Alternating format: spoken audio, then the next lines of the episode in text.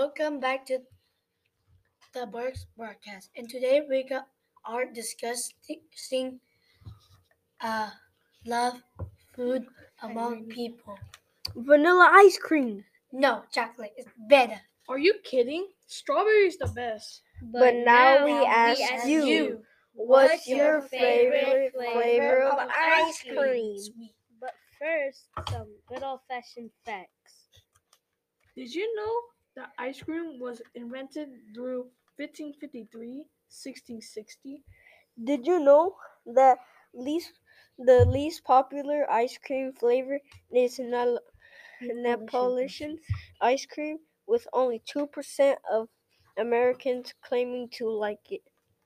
Even if so, two percent of Americans is still six million people.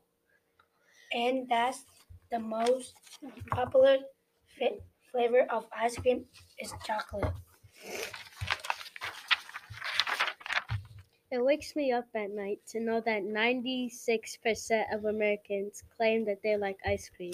That's 317 million.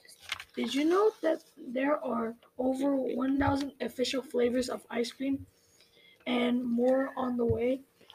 Now, out of those A thousand. a thousand official flavors, it's your choice to answer. What what is is your favorite flavor of ice ice cream? cream?